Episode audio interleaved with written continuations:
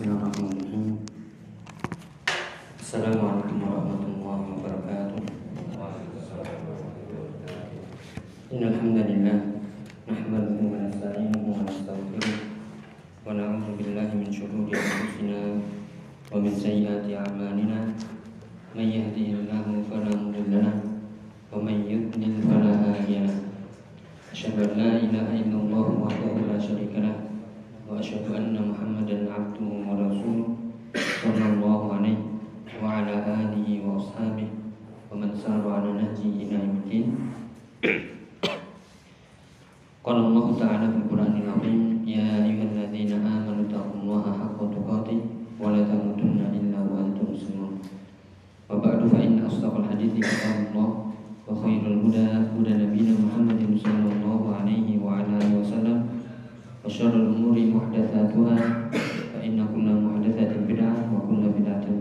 Assalamualaikum warahmatullahi wabarakatuh. Alhamdulillah biar ikhwan Allah.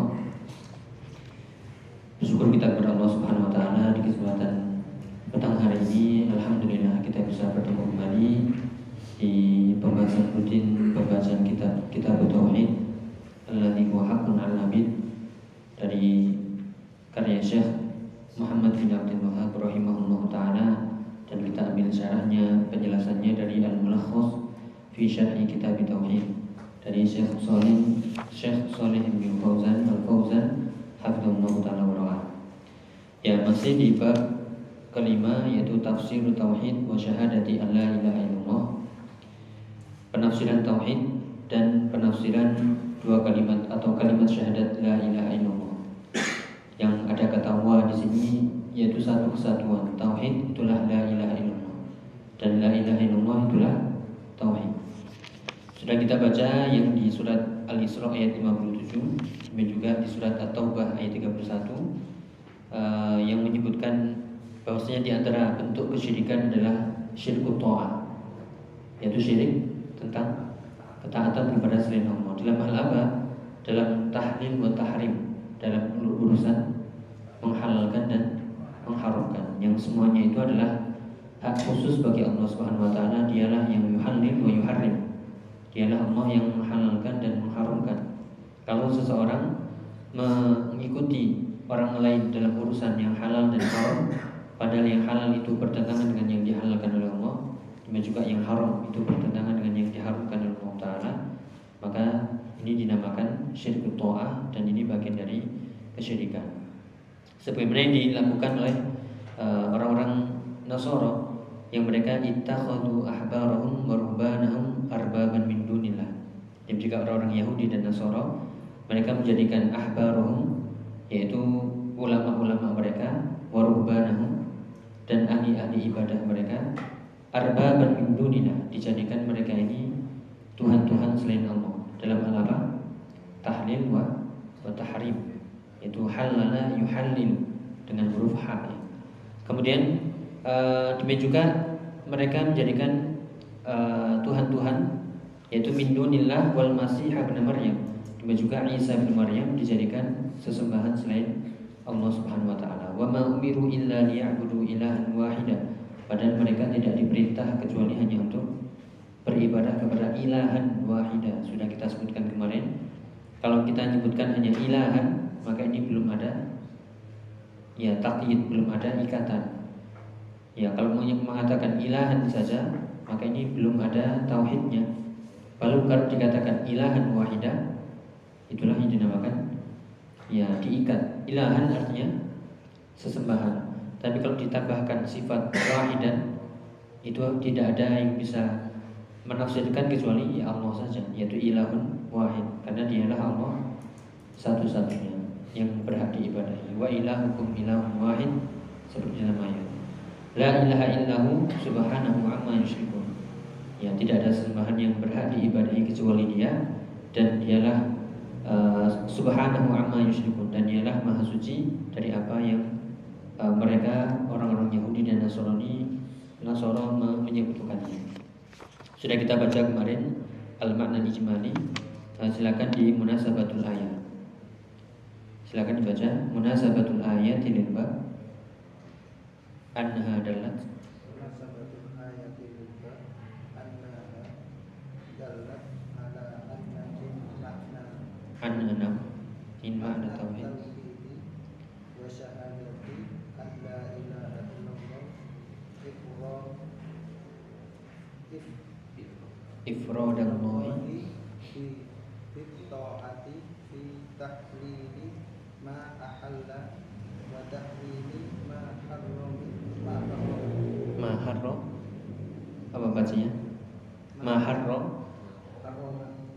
kenapa harroma? Ah, selain itu fi'il apa ini? harrama Ya, fi'il madhi ya. Lanjut wa anna min ah, wa anna manin wa manin sakho syakhsan sahson min min dunillahi tahli tahli yuhallilu yuhallilu ma ahalla wa wa har wa yuharrimu wa yuharrimu ma harrama masru musyrikun. musriku Ya, syai musyrikun. Ya, munasabatul ayah lil bab. Munasabah artinya keterkaitan ayat ini dengan bab tafsir tauhid dan syahadat la ilaha illallah. Jadi, apa hubungannya ayat ini dengan bab yang sedang kita bahas? Bab yang sedang kita bahas adalah tafsiran tauhid, apa itu tauhid dan apa itu la ilaha illallah. Kenapa ayat ini dimasukkan? Ya, kenapa ayat ini jadikan dalil? Alasannya adalah annaha dallat ala anna min makna tauhid. Ya, ayat ini menunjukkan bahwasanya di antara makna tauhid adalah eh, di antara makna tauhid wa syahadati la ilaha illallah, di antara makna tauhid dan syahadat la ilaha illallah adalah ifradallahi bit ta'ah. Ifrad artinya ya meng, mengesahkan, menjadikan Allah satu.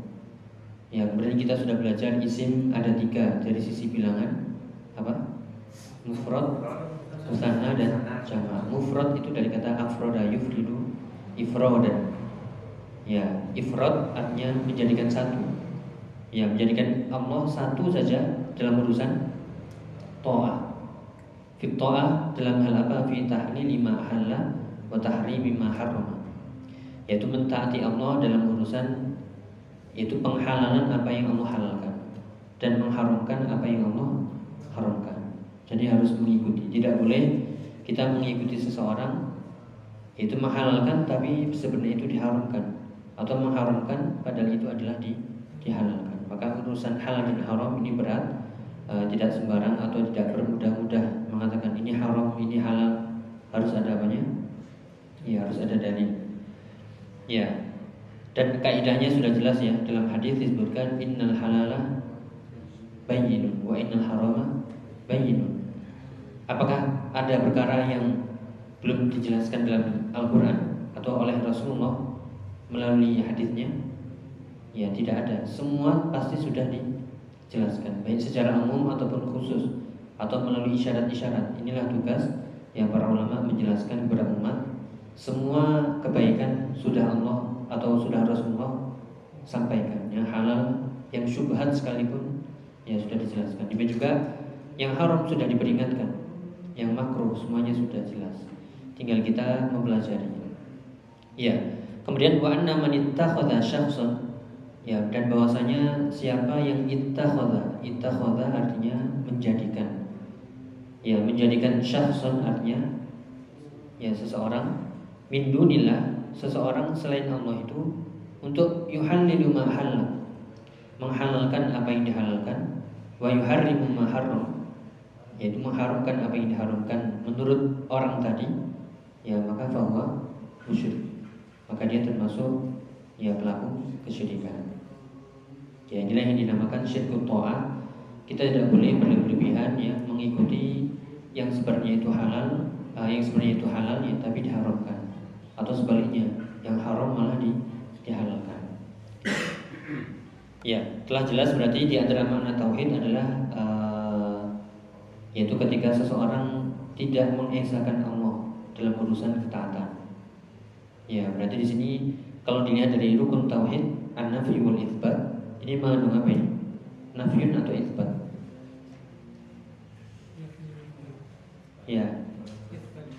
Ya menetapkan bahwasanya ketaatan hanya ya kepada Allah Subhanahu wa taala dan juga nafiunya adalah menafikan tidak boleh menjadikan selain Allah dalam urusan penghalalan dan pengharaman yaitu tahlil wa tahrim. Ya, karena sekali lagi yang membuat syariat adalah Allah Subhanahu wa taala, tentunya itu adalah hak khusus bagi Allah Subhanahu wa taala. E, tidak boleh menghalal, menghalalkan dan mengharamkan ya tanpa dalil.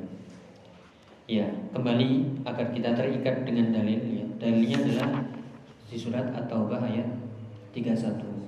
Ketika ayat ini dibacakan ya kita ulangi lagi. Uh, Adi bin Hatim yaitu seolah-olah apa menyangkal. Kami dahulu nggak menyembah, nggak menyembah siapa? Ulama-ulama dan juga nggak menyembah ya ahli-ahli ibadah kami. Ya akhirnya dijelaskan, bukankah ketika mereka menghalalkan yang haram kemudian mengharumkan yang halal kalian ikut? Ya apa jawab Adi bin Hatim? Ya kami ikut. Ya, itulah namanya ya perbuatan syirik. Namanya ibadah kepada selain selain Allah Subhanahu ya maka ini disebut dengan uh, taklidul a'ma ya.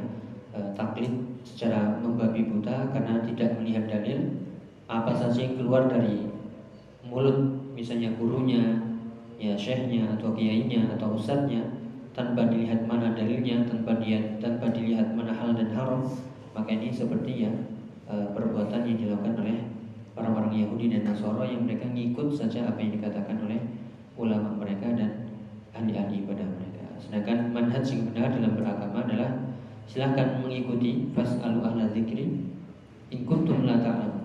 Bertanyalah kepada ahli ilmu jika kalian tidak mengetahui, akan tapi tanya dalilnya, dalilnya mana? ya kemudian pemahamannya seperti apa? Ya ditasabut ya ditegaskan dikonfirmasi uh, dalil dan pemahamannya. Ya makanya uh, undur ilama ilama kola wala tandur ilamat kol lihatlah apa? Lihatlah pada yang dikatakan bukan dilihat dari siapa yang mengatakan kalau kita melihat siapa yang mengatakan maka kita jadinya ya takdir dan ta'asub tapi kalau kita melihat apa yang disampaikan, oh ya benar, ambil. Kalau tidak benar, ya dibuang.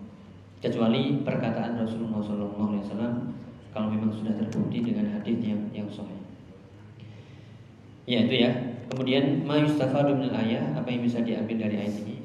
Faedahnya silakan nomor satu.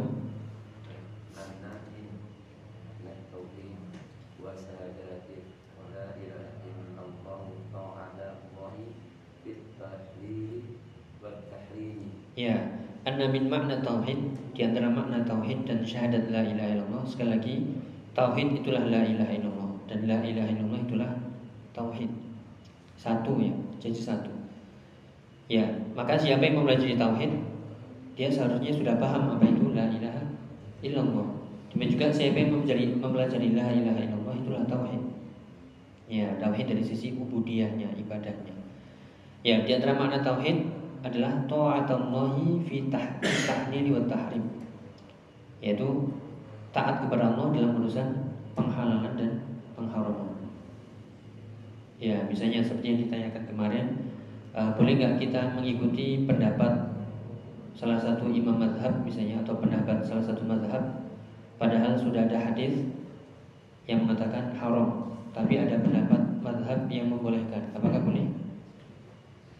Ya, misalnya uh, kita sebutkan kemarin ya, Nabi mengatakan dalam hadis yang sahih la nikah illa biwali. Ya. Tidak boleh menikah kecuali dengan wali.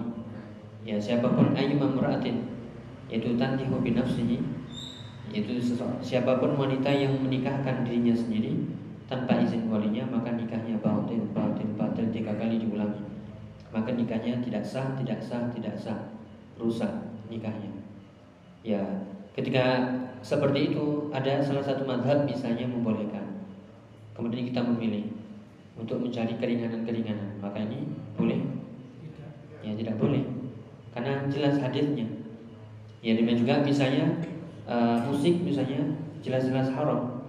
Ya akan ada di antara umat nanti yang akan menghalalkan sutra, khomer, ya zina dan alat-alat musik.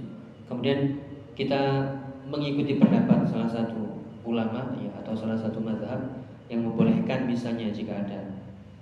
Ya kemudian dengan alasan bukan ada yang membolehkan. Kita dahulukan mana ya? Ya hadis Nabi atau ucapan seseorang ucapan di bawahnya. Ya itu kita dahulukan ucapan Nabi hadis Nabi Shallallahu Alaihi Wasallam. Inilah yang dinamakan mantaroh khoso siapa yang mencari rukhsah rukhsah pendapat ulama untuk mengalahkan hadisnya maka ya dia telah melakukan perbuatan zindik zindik itu munafik yang jelas. Yaitu menunjukkan uh, zahirnya Islam tapi sebenarnya dia benci. Sehingga mencari-cari apa? Mana yang ringan untuk untuk saya untuk untuk kita untuk kelompok kita misalnya. Ya kecuali memang kalau memang ada rukhsah-rukhsah yang memang ada dalil-dalilnya ya seperti sholat kosor jamaah itu namanya. Rukhsah asli yang memang dari Nabi. Ya kita nggak bisa berdiri sholat duduk rukhsah. Ya kita nggak eh, nggak bisa tepat waktu sholat ketika safar silahkan dijamak. Sakit ya wanita haid misalnya uh, dia tepat rukhsah keringanan memang nggak boleh sholat. Ya juga orang yang dalam safar safar yang berat misalnya dia boleh tidak puasa. Ya maka di sini benar-benar rukhsah yang dari ya syariat. Bukan rukhsah rukhsah maksudnya adalah pendapat-pendapat ulama madhab yang apa meringankan sholat. Ya ini yang dilarang. Mantaroh khosor apa tazan ya itu banyak sekali ya tentang musik ya kemudian tentang pernikahan ya. Ada juga tentang hal-hal yang lain yang uh, ada sebagian yang uh, mencari-cari keringanan. Yang penting ada pendapat ulama. Bukan yang penting pendapat ulama yang penting hadisnya mana? Apakah setiap masalah luput dari hadis? Ya tadi kan kita harus meyakini Rasulullah sudah jelas-jelas semua perbuatan baik pasti sudah disampaikan. Dan perbuatan buruk pasti sudah diperingatkan. Berarti tidak ada yang luput. Kenapa Al-yawma akmaltu lakum dinakum sudah sempurna. Kalau kita meyakini oh paling atau kemungkinan Rasulullah lupa atau Rasulullah mungkin nggak sempat, boleh bilang begitu? Ya, siapa yang menganggap seperti ini, yang menganggap bahwasanya Rasulullah berkhianat dalam menyampaikan risalah dan itu tidak mungkin. Rasulullah sudah menyampaikan seluruhnya baik di Al-Qur'an, hadis, ya, juga melalui para sahabat disimpan di dada-dada mereka ilmunya ya dan juga diajarkan terus ya hanya mungkin ya mungkin sebagian uh, di antara salah seorang ulama ya belum nyampe hadisnya atau yang diketahui hanya itu sehingga terjadilah perbedaan. Nah tugas kita yang di akhir zaman ya semuanya sudah tercatat itu bisa digali bisa dibuka ya dengan syarat ya kita memahami ilmu-ilmu alat dan ilmu-ilmu syar'inya. Kalau tidak tahu ya sudah fas'alu ahla dzikri in kuntum la. Ya itulah manhaj yang benar dalam beragama dan insya Allah mudah. Ya, kemudian yang kedua, annaman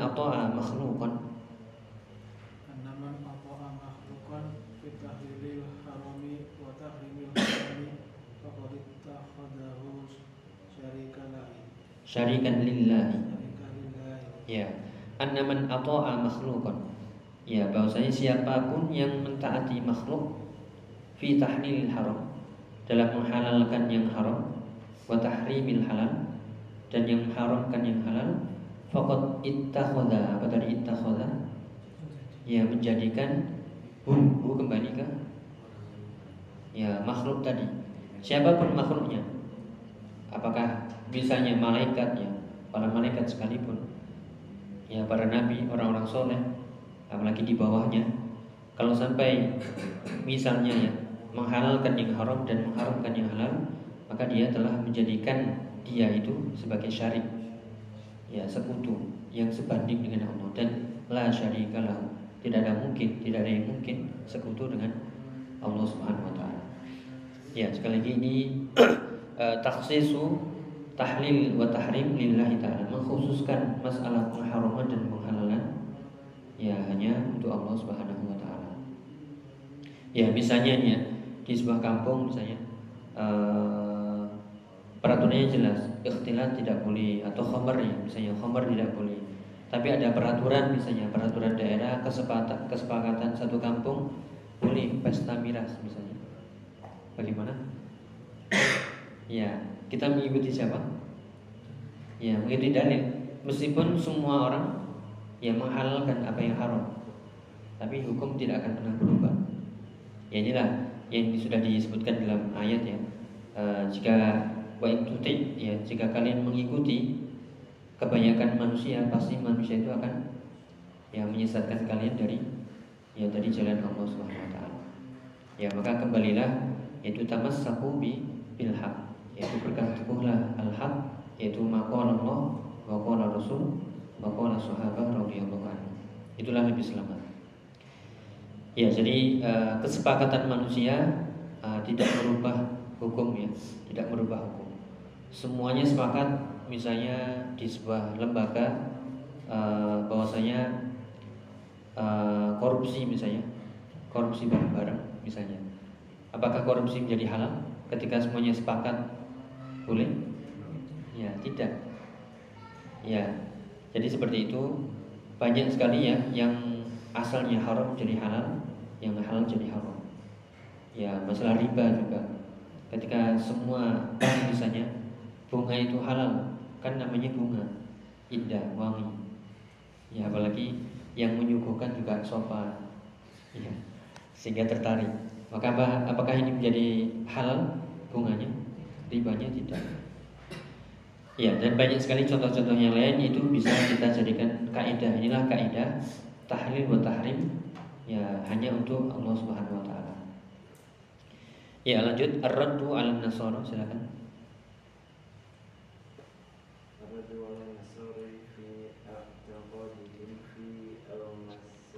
Fil masihi.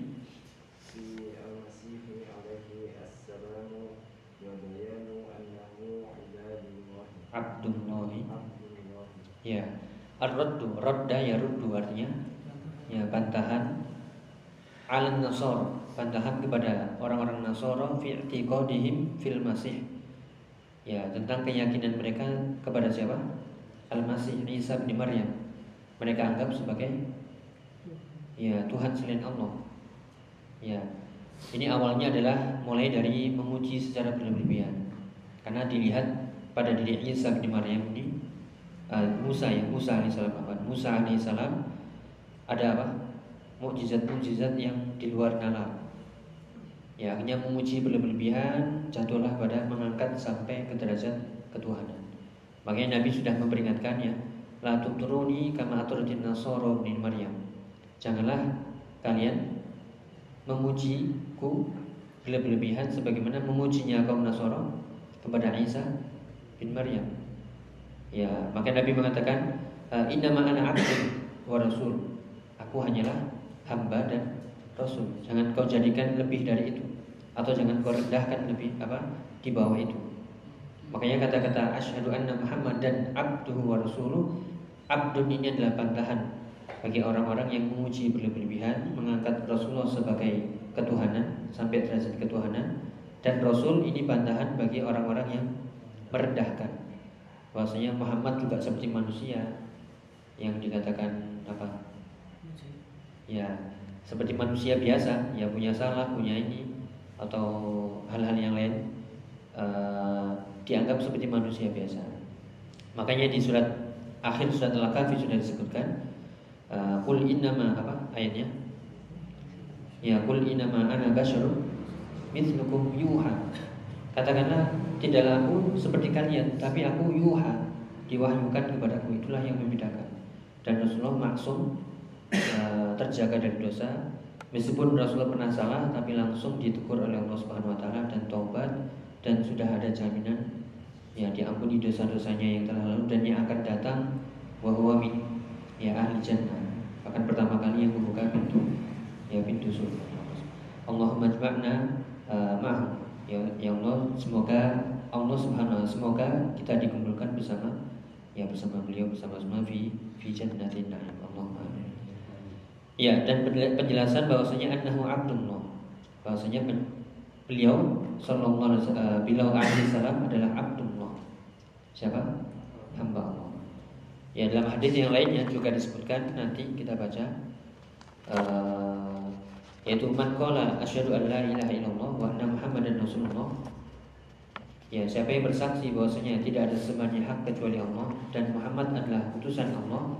Kemudian wa anna Isa abduhu wa rasuluh dan bahwasanya Isa adalah hamba dan rasulnya wa kalimatuhu alqaha ila Maryam dan ucapannya kun fayakun yang disampaikan kepada Maryam. Kan beliau lahir tanpa ya tanpa bapak, tanpa pernikahan. Tiba-tiba kun fayakun jadi maka jadilah. Wa ruhun minhu ya wa annal jannata haqqun wa annan nara haqqun adkhalallahu jannata ala ma kana fil amal atau kama qala sallallahu ya siapa yang meyakini uh, yaitu tidak ada sembahan hak kecuali Allah kemudian Muhammad adalah Rasulullah dan Isa adalah hamba dan utusannya kemudian kalimat Allah yang disampaikan kepada Maryam dan termasuk di antara roh-roh yang ditiupkan di antara roh-roh manusia dan meyakini surga benar adanya neraka benar adanya maka ya adkhalallahu jannata ala ma kana. Allah akan memasukkannya ke dalam surga ya bagaimanapun amalnya. Ini di antara keutamaan meyakini uh, bahwasanya Isa atau Musa uh, Isa alaihissalam uh, apa termasuk ya hamba Allah. Bukan uh, satu di antara tiga ketuhanan. Itu salah ya bukan trinitas. Ya sehingga membingungkan. Ya Allah alam Ya Alhamdulillah berarti selesai untuk ayat Taubah eh, ayat 31 dari surat At-Taubah. Sebelum nanti kita lanjutkan syirik berikutnya, jenis kesyirikan berikutnya adalah uh, tentang kecintaan. Ketika seseorang mencintai ya, mencintai sehingga sampai tunduk patuh kepada orang yang dicintai sampai mendahulukan kecintaan Allah dan Rasulnya maka ini termasuk perbuatan syirik bukan cinta tabiat ya. Cinta anak istri syirik ya cinta apa lagi? Uh, cinta sama kaum muslimin syirik ya yang maksud cinta ini adalah cinta yang menunjukkan ketundukan dan kepatuhan. Sebagaimana kecintaan yang dilakukan oleh orang-orang musyrik kepada sesama-sesama mereka. Iya, nanti akan kita bahas insyaallah di surat Al-Baqarah ayat 165. Wallahu a'lam bishawab. Mungkin ada yang ditanyakan? Iya, silakan. Oh ya, kurang ya tadi. Silakan dibaca satu ya. Tanzihullahi. Ya, tanzih artinya pensucian. Pensucian Allah dari perbuatan syirik. Ya, jelas. Baik dalam ketaatan baik dalam ibadah satu jenis saja ibadah meskipun itu kecil kalau itu ditujukan selain Allah maka jatuhlah perbuatan syirik. Ya apalagi ibadah-ibadah yang besar. Ya jadi syirik adalah uh, sorfu nau'in min anwa'il ibadah liwairillah memalingkan sedikit saja dari jenis-jenis ibadah kepada selain selain Allah. Ya atau beribadah kepada Allah dan bersama selain Allah. Menggabungkan baik memalingkan secara keseluruhan atau ya eh, sebagian atau keseluruhan atau beribadah kepada Allah tapi juga beribadah kepada selain selain Allah. Seperti yang dilakukan oleh orang-orang musyrik. Ya nanti disebutkan juga ya kisah eh, jadi mereka ada di antara mereka ya yang kalau sudah berbuat syirik ini akalnya hilang. Di antara mereka ya ada yang membuat patung dari makanan. Ya dibawa ke mana-mana ya kemudian ketika habis bekalnya apa yang dimakan? Ya Tuhannya dimakan. Atau membuat patung ya dibawa ke sampai ke lautan. Ketika di laut wah ini kayaknya harus ada yang dibuang ini. Apa yang dibuang? Ya Tuhannya dibuang. Ya ada beberapa riwayat yang menunjukkan itu ya. Hilang sudah. Nah, makanya bersyukurlah uh, tauhidnya. Kita yang memahami tauhid itu adalah uh, tahriru uh, ubudiyatil makhluk ilil makhluk yaitu membebaskan kita dari peribadatan makhluk kepada makhluk menuju peribadatan makhluk kepada Rabbul makhluk kepada ya penciptanya makhluk itu sendiri. Ya itu ya. Jadi eh, orang-orang musyrik di antaranya seperti itu mencampur adukan. Apalagi ketika mereka bahagia, mereka lupa beribadah kepada selain Allah. Tapi ketika di lautan sudah ombak mau mener menerjang mereka, ya tiba-tiba ikhlasnya bukan main. Langsung berdoa, tunduk, takut. Itu di zaman dahulu. Kalau zaman sekarang, ya fisar wa baik susah senang semuanya berbuat ya syirik. Ya, nasallallahu wa Allah wa iyyakum uh, dari kehinaan perbuatan syirik. Mungkin ada yang lain? Ya, silakan. Eh, kan. Iya.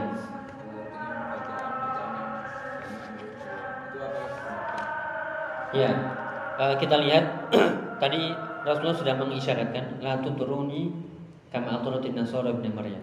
Janganlah kalian memujiku berlebihan sebagaimana pujian-pujian berlebihan yang diberikan kepada kaum Nasara atau oleh kaum Nasara kepada Isa bin Maryam. Dan nanti akan kita bahas di antara sebab kesyirikan muncul itu adalah al-hulu fi. Yaitu berlebihan menyikapi orang-orang soleh. Di situ pintu masuknya kesyirikan. Di zaman Nabi Nuh dahulu, kenapa muncul Lata Uzza ya apa oh, bukan Lata Uzza ya sebahan mereka Ya'ub yang di surat Nuh ya karena mereka memuji orang-orang soleh kemudian dijadikan uh, apa prasasti ya. Kemudian kurang lagi dijadikan ya patung. Akhirnya mereka berkumpul di sana lama-lama ya tauhid hilang ilmu hilang tersebarnya kebodohan jadilah berbuat syirik ya kembali ke sana. Sekarang ya memuji Rasulullah apakah itu ibadah? Ya, apakah sudah ditentukan caranya? Apakah Rasulullah mungkin kelewatan? Oh, ada cara memujiku, cara menghormatiku yang belum aku jelaskan? Ada? Ya, tidak ada. Ya, tentu kita berarti harus mencari tahu gimana cara memuji Rasulullah, cara bentuk cinta kepada beliau. Sarannya adalah di surat Ali Imran disebutkan kul in kuntum tuhibbunallah fattabi'uni yuhibbukum ikutilah aku. Berarti ikutilah tata caraku beribadah ya tata caraku uh, memuji Allah dan tata cara mengikutiku dalam urusan ibadah. Kita lihat yang seperti tadi uh, kita lihat lafaz-lafaznya. Pertanyaannya ya dari mana? Kemudian itu asal muasalnya dari mana kemudian artinya seperti apa, kemudian kaifiahnya apakah ada contohnya dari para sahabat. Jika tidak ada, ya maka kita tinggalkan. Ya berarti tidak tidak ada contohnya. Bahasa lembutnya seperti itu ya. Tidak ada contohnya sia-sia. Man amila amalan laisa ali amruna bahwa Ya karena itu celah masuknya. Kalau kita tanya yang pertama ya, lafadznya itu dari mana? Pasti nggak tahu dari mana. Artinya apalagi? Terus kaifiahnya seperti itu dari mana? Ya, pokoknya dari dan nggak tahu. Dan sudah seperti itu capek-capek sia-sia. Nggak akan sampai pahalanya. Karena sudah jelas man amila amalan laisa bahwa Meskipun mereka ikhlas. Ya, karena syarat diterimanya ibadah ada dua, ittiba sunnah wa ikhlasul ibadah lillahi ta'ala ya tinggal kita ya bagaimana caranya uh, menyampaikan itu al-haq itu. Ya kalau kita nggak tahu apa-apa ya sudah. Kita orang biasa yang penting selamatkan diri dulu. Ku anfusakum wa halikum kalau mampu berdakwah silahkan ya dengan bil hikmah tentunya tapi mungkin itu cukup Ya, jadi itu ya. Uh, untuk memahamkan hal seperti itu uh, usulnya harus kena. Kaidah-kaidah diterimanya ibadah, manhaj bagaimana beribadah, bagaimana beragama itu harus kena dulu. Kalau ini sudah kena, nanti dikirim mudah. Dan kalau ini belum, nanti perang itu kan kata Ustaz antum. Ustaz saya bilang begini, gak akan selesai. Ya, gitu ya Wallahu a'lam bishawab. Kita akhiri. subhanallahi wa bihamdihi asyhadu an la ilaha illa anta astaghfiruka wa atubu ilaik. wassalamu alaikum warahmatullahi wabarakatuh.